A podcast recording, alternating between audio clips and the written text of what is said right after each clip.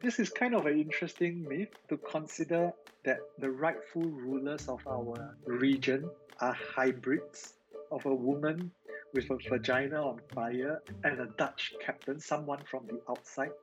So it's kind of interesting in the sense that the outside or outsiders are welcome into our systems. Welkom bij Spring in het Diepe.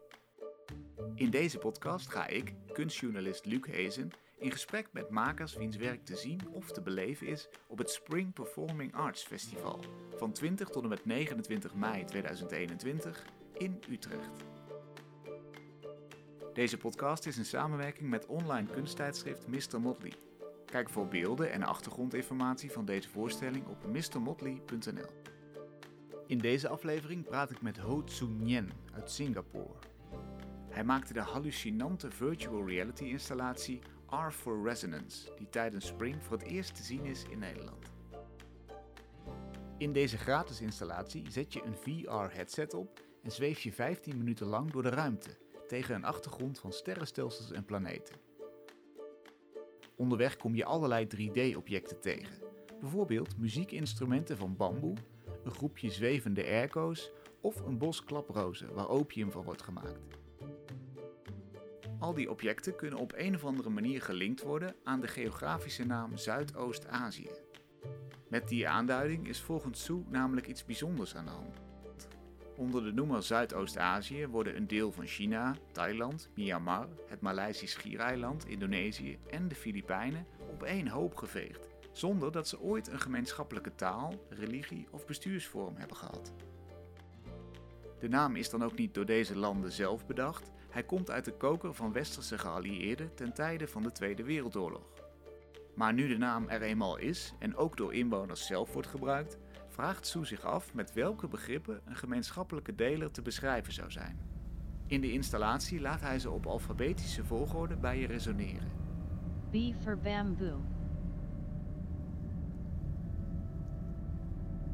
B staat voor bamboe, I voor irrigatie, het bevochtigen van landbouwgrond, T staat voor tijger enzovoort.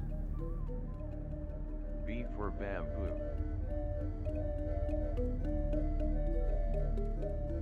Hi Tzu, thank you for joining me on Skype. First of all, why did you want to create a critical dictionary for Southeast Asia? Because that's the subtitle, right? Yeah, well, you know, Southeast Asia, I always think about Southeast Asia as a kind of a mysterious object, you know. It's a mysterious object in the sense that it exists and doesn't exist at the same time, you know, so it's a bit of a paradox Mhm. because, you know, for example, before 1945, nobody from this region thinks about ourselves as being part of Southeast Asia. This term, Southeast Asia, this name itself didn't exist. You know, so it the word Southeast Asia probably became very started to become more popular after 1945 Mhm. uh, when the Allied forces created a strategic group to retake this region from Japanese occupation. And they called themselves Southeast Asian Command. So that was one of the first times when this term Southeast Asia was used widely. And of course, the Southeast Asian Command wanted wanted to free us from Japanese occupation Mhm. so that they can recolonize us. You know, I have just to add that. But so Southeast Asia, in many ways, is a construction. You know, it was it. This term stuck with us after nineteen after nineteen forties, and it became more and more popular. So it's something totally artificial. But after you know more than fifty years, it has also taken on its own reality. You know, Mhm. something that is completely artificial can become real after some time. So, you know, so there is something with Southeast Asia that fascinates me this way. It's a it's a region which is constructed, but at the same time, maybe there is some truth to thinking about this region uh, as a unified uh, space. So I guess out of this, I decided to work on a dictionary to think, to propose different ways of thinking and reimagining what is Southeast Asia. You know. Yeah, that's so And, interesting. uh, so, so actually, it is a title that is imposed up, upon you from from from the outside, from the more Western world, so to say, and now you've. s- w- w- Would you say you've inhabited it, adopted it, maybe, or is it is it still something that is fairly negative to you? How, how- do you feel about this? Uh, if you speak, I have a feeling that if you speak to most other people, they don't even really care about it. You know. Hmm. Yeah, and if you start questioning them, what is Southeast Asia and are you Southeast Asian? Maybe an interesting conversation would, would arise, but most of the time people don't think about it uh, anymore. Most people in our region don't even know the the colonial roots, in a sense, of this term Southeast Asia. Yeah, but nevertheless, this term is here to stay. So I think you know the project of South uh, Critical Dictionary is a way to face up to the fact that this term is here to stay. But let's try and see if we can do something else with it. You know, something that was not part of the original plan, or can we uh, imagine or invent something interesting from this existing term? So I would say these are some of the starting intentions for the project. Yeah, and can you maybe describe what the viewer will see in this virtual reality experience? What are they going to? What kind of world will they enter? Sure. I think before that, maybe just a bit of a clarification. So, South, the Critical Dictionary of Southeast Asia is a project that I started many years ago, and in many ways, it's like a meta project. It's a it's a dictionary made up of uh, many many different terms inside the dictionary, and over the course of these last uh, maybe I would say like seven or eight years, I have made projects that come out of the dictionary that are based on individual terms in the dictionary. So, for example, under T, we have T for tiger, and I made, you know, about three or four projects which are installations and uh, theatrical performances about tigers. So it so these projects on tigers exist on their own, but they are also part of this larger uh, uh, project umbrella projects, right? Let's call it an umbrella project, which is the Critical Dictionary of Southeast Asia. So um, the virtual reality part of it is only one of these projects that come out of the dictionary. So um, this virtual reality project is from the letter R, which is R for resonance. So um, this is so in this latest you know manifestation of a dictionary project, I decided to do it in virtual reality. And as for your question, what we will see in this virtual reality version of the dictionary, which is known as R for resonance, what we will see is actually, in some ways, the entire dictionary from A to Z. And I have transformed each of these terms in the dictionary into an object, into a virtual object. So when we wear our head mount displays, as we call them, you know, to enter into the virtual reality world, what we are really encountering is the entire dictionary translated into objects. You know, so I have one object for every letter in the dictionary. So A is for anarchism, for example, and I have something, uh, uh, an object that represents or symbolizes anarchism. Under B, I have B for bamboo, and we have objects that evoke or symbolize bamboo. So we are encountering all of my dictionary as physical slash virtual objects. Mhm. And we are encountering it uh, in order for me uh, to express something about resonance, the, the question of resonance in relation to gongs in Southeast Asia. So uh, these are some of the related concepts that we should encounter in the work. Right. And resonance is also uh, metaphorically resonance as in as in the, the, associations that you follow, of course, and, and the ideas that well, if you trace back to history, that the West has imposed upon the East uh, and still resonate today. So it's it's very multi-layered, and I think it's it's a very interesting world that we walk around in, and it's it's it's almost like an entire universe. Um, maybe we can see some of the associations um, th that we hear in the VR experience. For example, I for irrigation. I, I for, irrigation. irrigation. Why um, did you put that one in?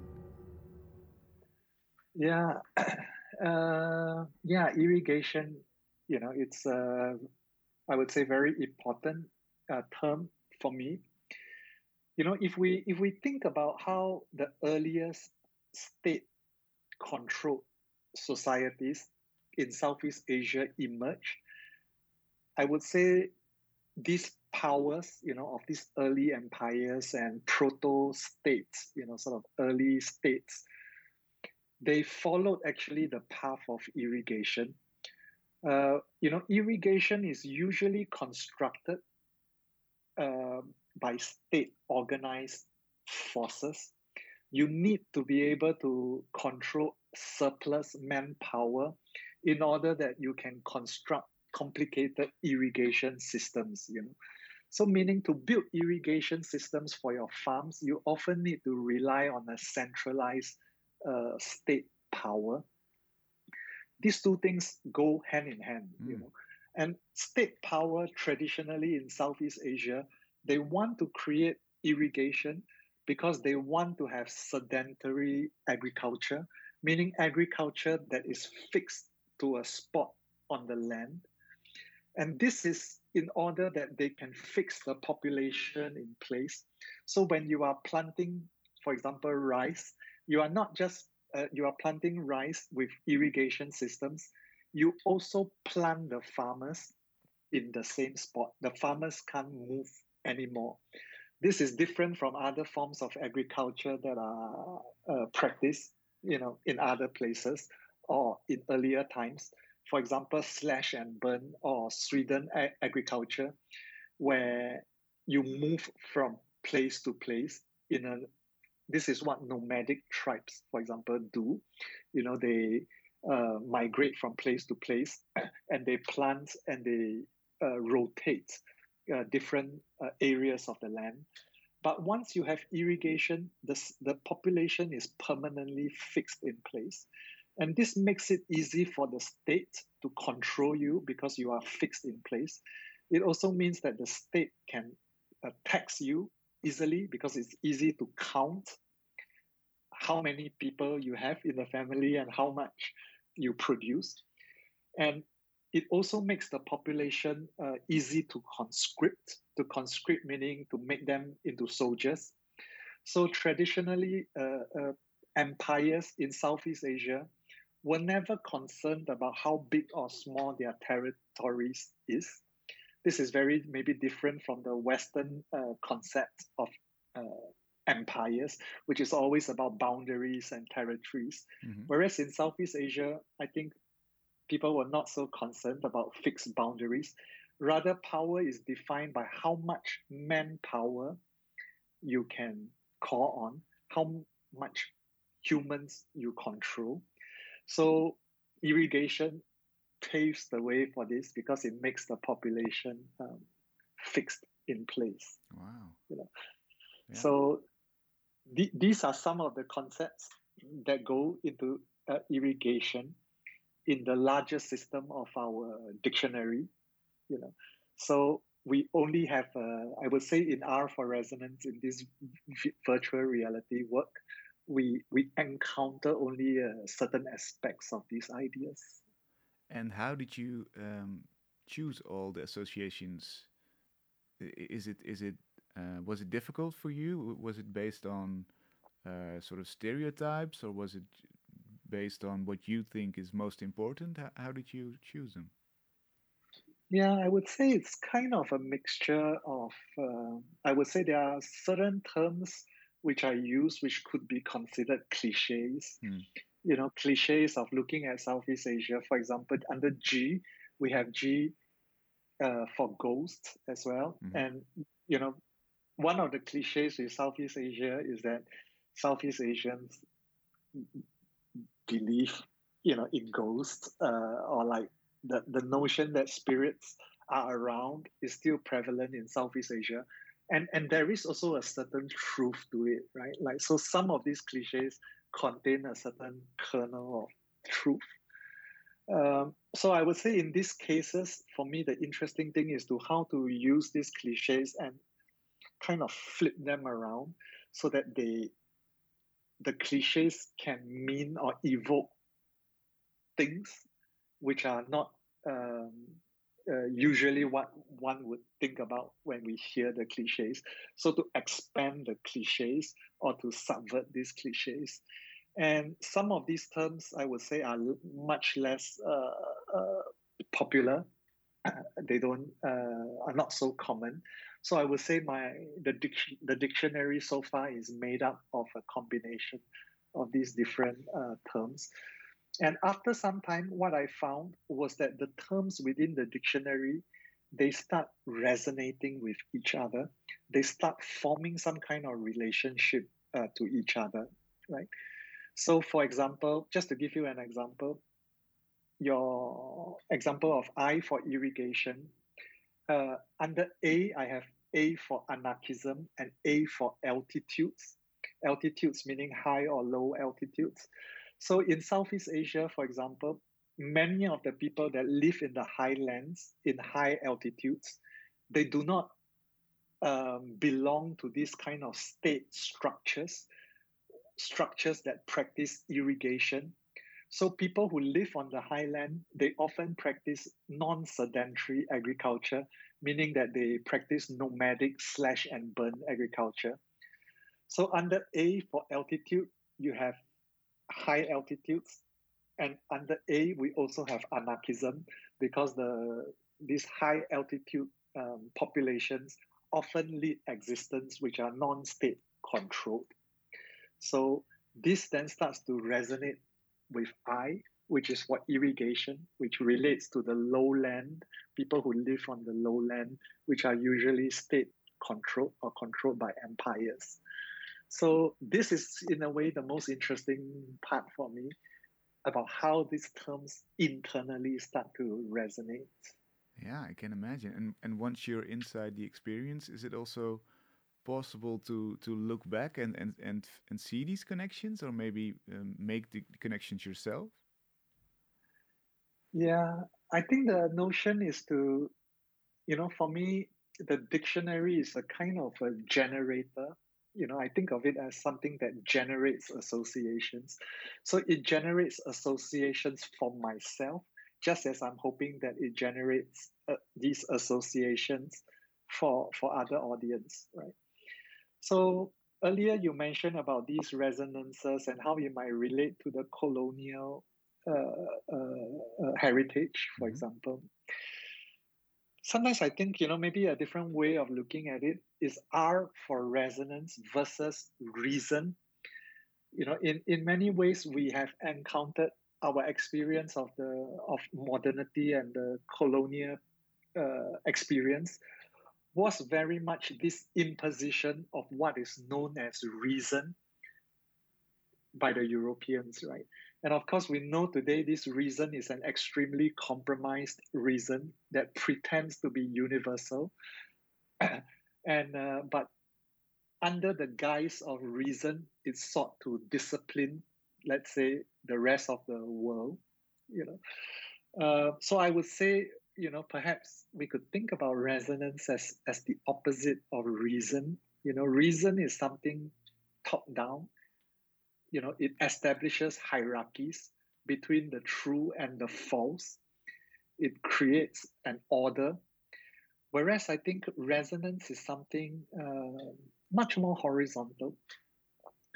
Uh, resonance is more about vibrations and uh, sort of sympathetic vibrations you know rather than this imposition of the harsh rule of reason so i think this is uh, another way to think about you know the logic or the poetics behind the dictionary yeah it's really interesting and also resonance is something that that permeates other objects and and just will will uh, spread as a wave through through almost anything so so more things yeah. are related than just the, the structural order that that is imposed upon them so yes. so when it comes to uh, your example of ghosts as you mentioned you wanted to maybe flip that stereotype a bit how, did you do that in the, in this case yeah so for me under g for ghosts it was um, you know, we could think about ghosts in different ways. We could think about ghosts as, uh,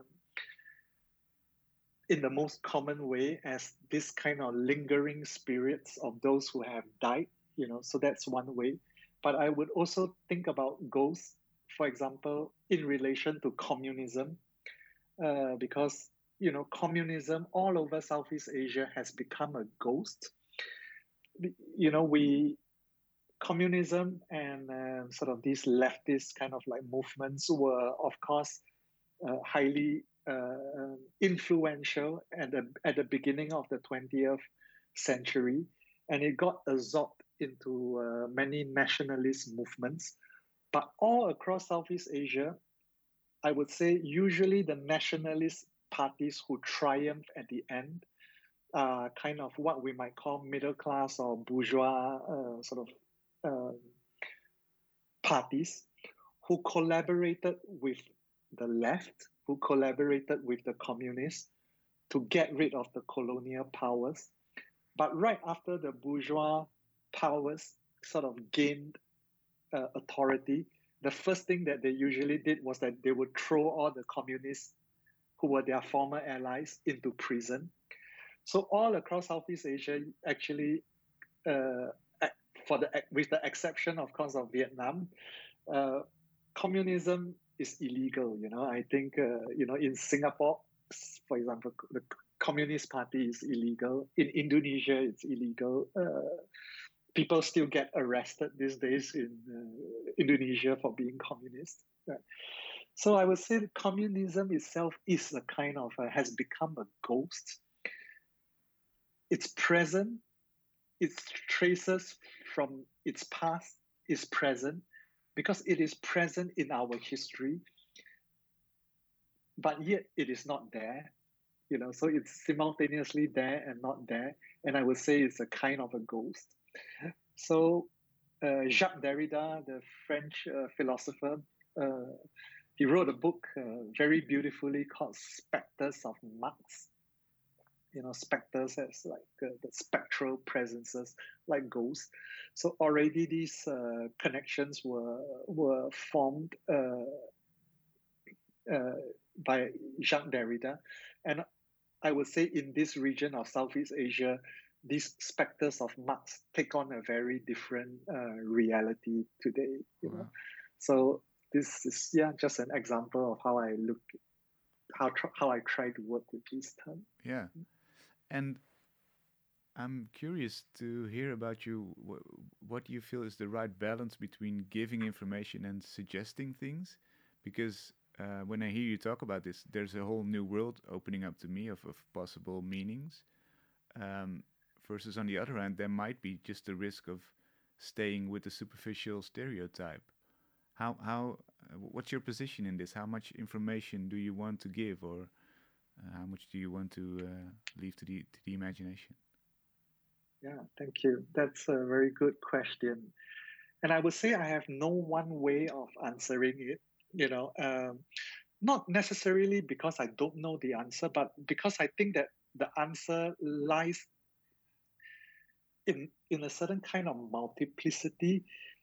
So what I mean is that I don't think there is one answer to say we should give information or we should only create possibilities for for associations and not give information directly so i'm not saying one or the other but because both approaches make sense to me Uh, and this is why the dictionary as a whole, you know, so I'm talking about the dictionary, not just R for resonance, which is this specific word that we are talking about, but my sort of entire project of the dictionary works in many multiple ways. So I have created, for example, a website. And on this website, we have the entire dictionary from A to Z. And on this website, I have a, I created also an algorithm, which is editing footage uh, on its own in real time, all the time, according to my the ideas I have uh, in the 26 terms of the dictionary. And on this website, you can even read my some of my notes and uh, essays written about each of these terms. So this is one part of the dictionary. And then we have R for resonance, which is a different aspect of the dictionary. Uh, so in R for resonance, we no longer encounter so many words. We only encounter these physical slash virtual objects. So R for resonance would be a more, I would say, it comes closer uh, to the associational, uh, to, you know, rather than the informational. But I've also done other works. Uh, what I'm trying to say is that I've also done other parts of the dictionary which are much more informational, right, you know. Right. So I think these two approaches are both possible and they both complement each other. So that's kind of uh, how I've been approaching this question by doing both. Yeah. You know. Can you mention the website once more? Yeah, so this website is uh, available. Um, actually, it's cdosea dot org. CDOSEA stands for Critical Dictionary of Southeast Asia. So cdosea dot org. And anyone can go to the website and anyone can view this film, which is continuously recreated by algorithms. Um, and this is, in a way, the fullest um, example of the entire dictionary. Great, great, thank you. L- let's do one more uh, because I was I was surprised by uh, V V for vampire. Yes. What, what, what would you like to tell me about this? Yeah. Uh, so sometimes, you know, under V, for example, I have vampire, and I also have voices, and I also have vaginas. But let's just uh, maybe speak about vampires. Well, you can talk uh, about vaginas now. also. It doesn't matter, but if they are yes. related, sure they are related they could be related they could resonate mm-hmm. you know and sometimes i list these terms out and work on them to see how they might start to resonate uh, with each other right so uh, you know so for example in in in south in the malayan part of southeast asia uh, we also have our own uh, version of the myths of vampires these are usually the ghosts of uh, women who died during childbirths. Uh, we call them Pontianaks. They live in banana trees and they are kind of our equivalent of, um, of vampires. But vampires interest me basically also as a kind of contagion. You know, if we think about vampires, vampires are contagious. That is their inner logic and of course, during the time of the COVID, we can think about contagion in a different way. But vampires, uh, vampirism is something which spreads, right? Like once you are bitten by a vampire, you can become a vampire. So I'm also using vampire as a way to think about um, contagion and how things can spread. So under C, in my dictionary, actually C is for contagion. You know, C is also for corruption. So corruption is a form of contagion as well because, you know, if you have a certain aspects of a culture which lends itself to corruption, you know, corruption can spread. Uh, very easily. You know, So in a way, this is kind of how I work on the dictionary, which is to, to find this kind of correspondence from the inside and to work on them. Um, so for example, V I mentioned earlier is also for voices.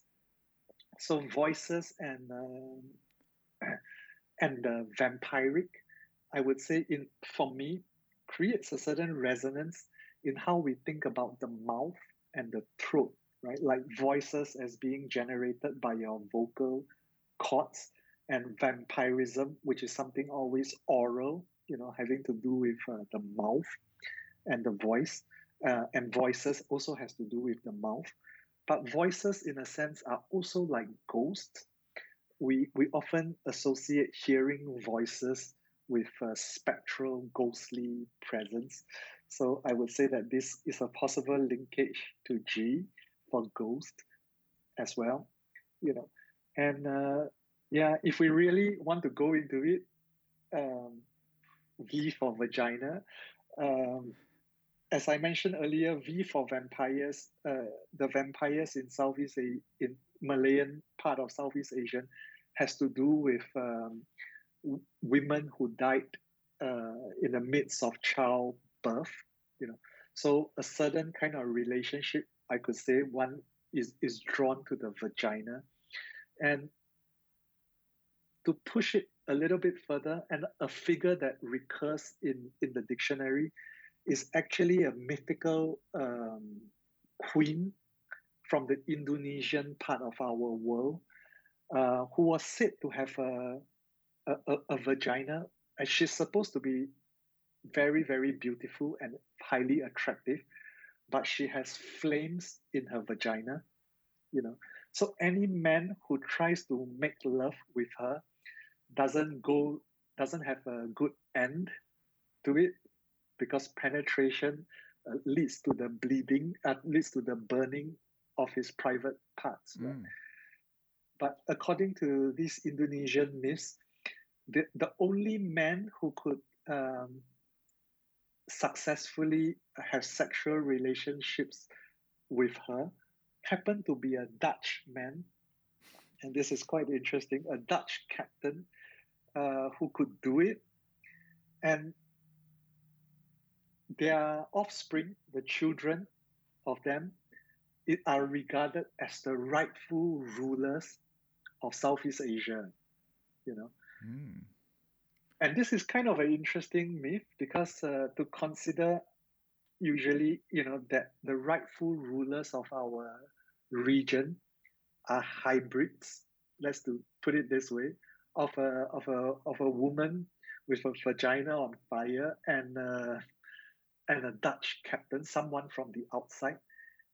So it's kind of interesting in the sense that the outside or outsiders are welcomed into our systems, you know, uh, which is very different, let's say, from uh, many other parts of the world, which believes, which has a problem, let's say, with outsiders, you know, with xenophobia and uh, keep, keeping your own bloodline pure, for mm. example. Uh, this is the opposite, right?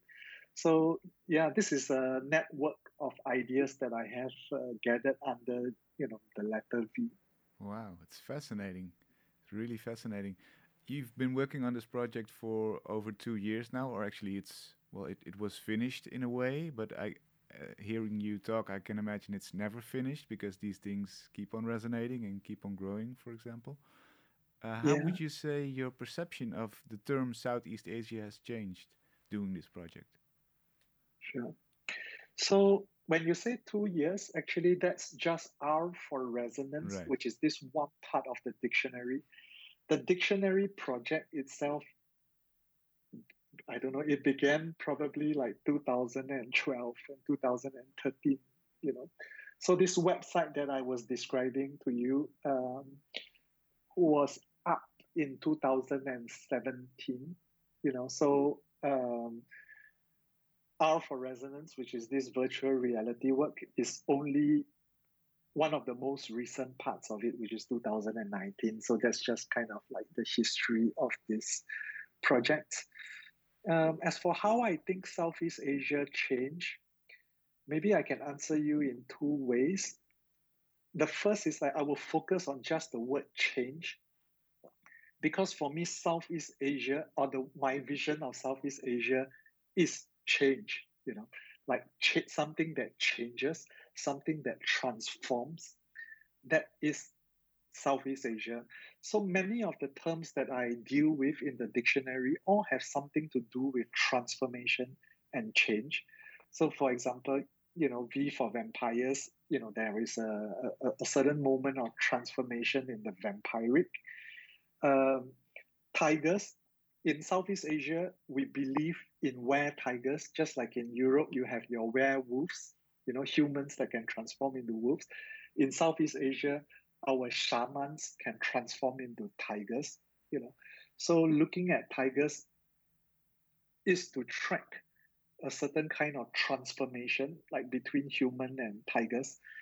Under W, I have W for water, and water is the most important element in Southeast Asian myth and cosmology, you know.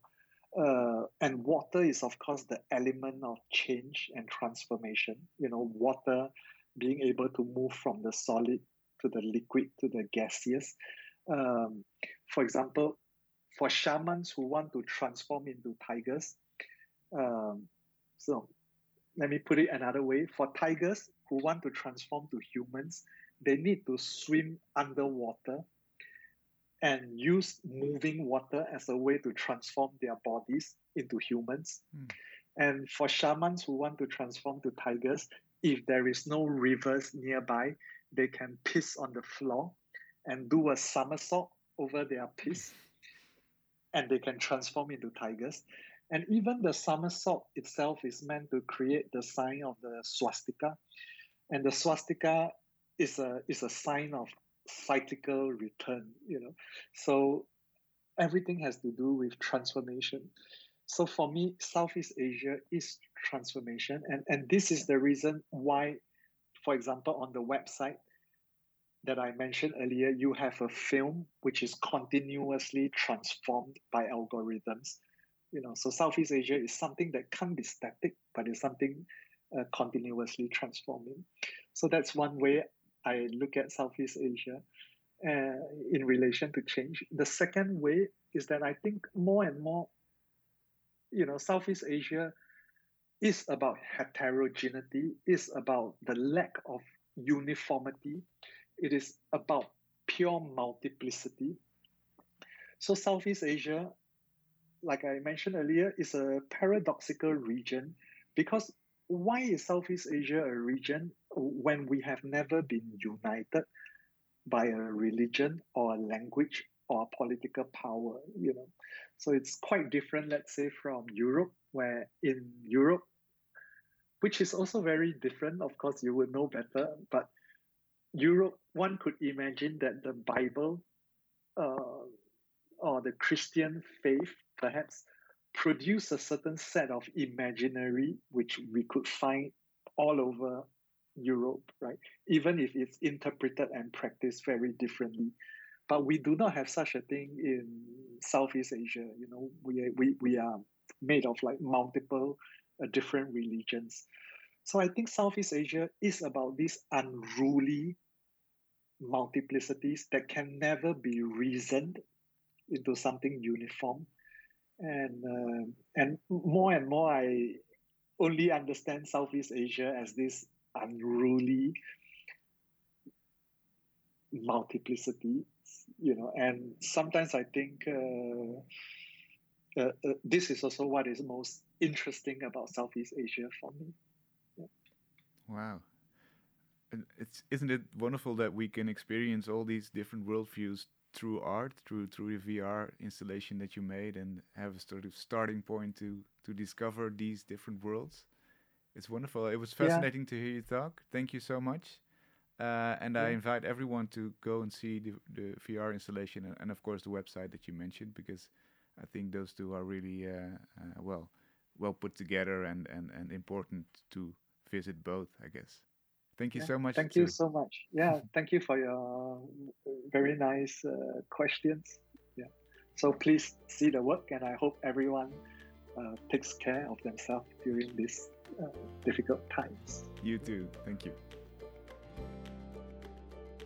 Is je interesse gewekt? Kijk voor de tijd en locatie van deze gratis te bezoeken installatie op springutrecht.nl.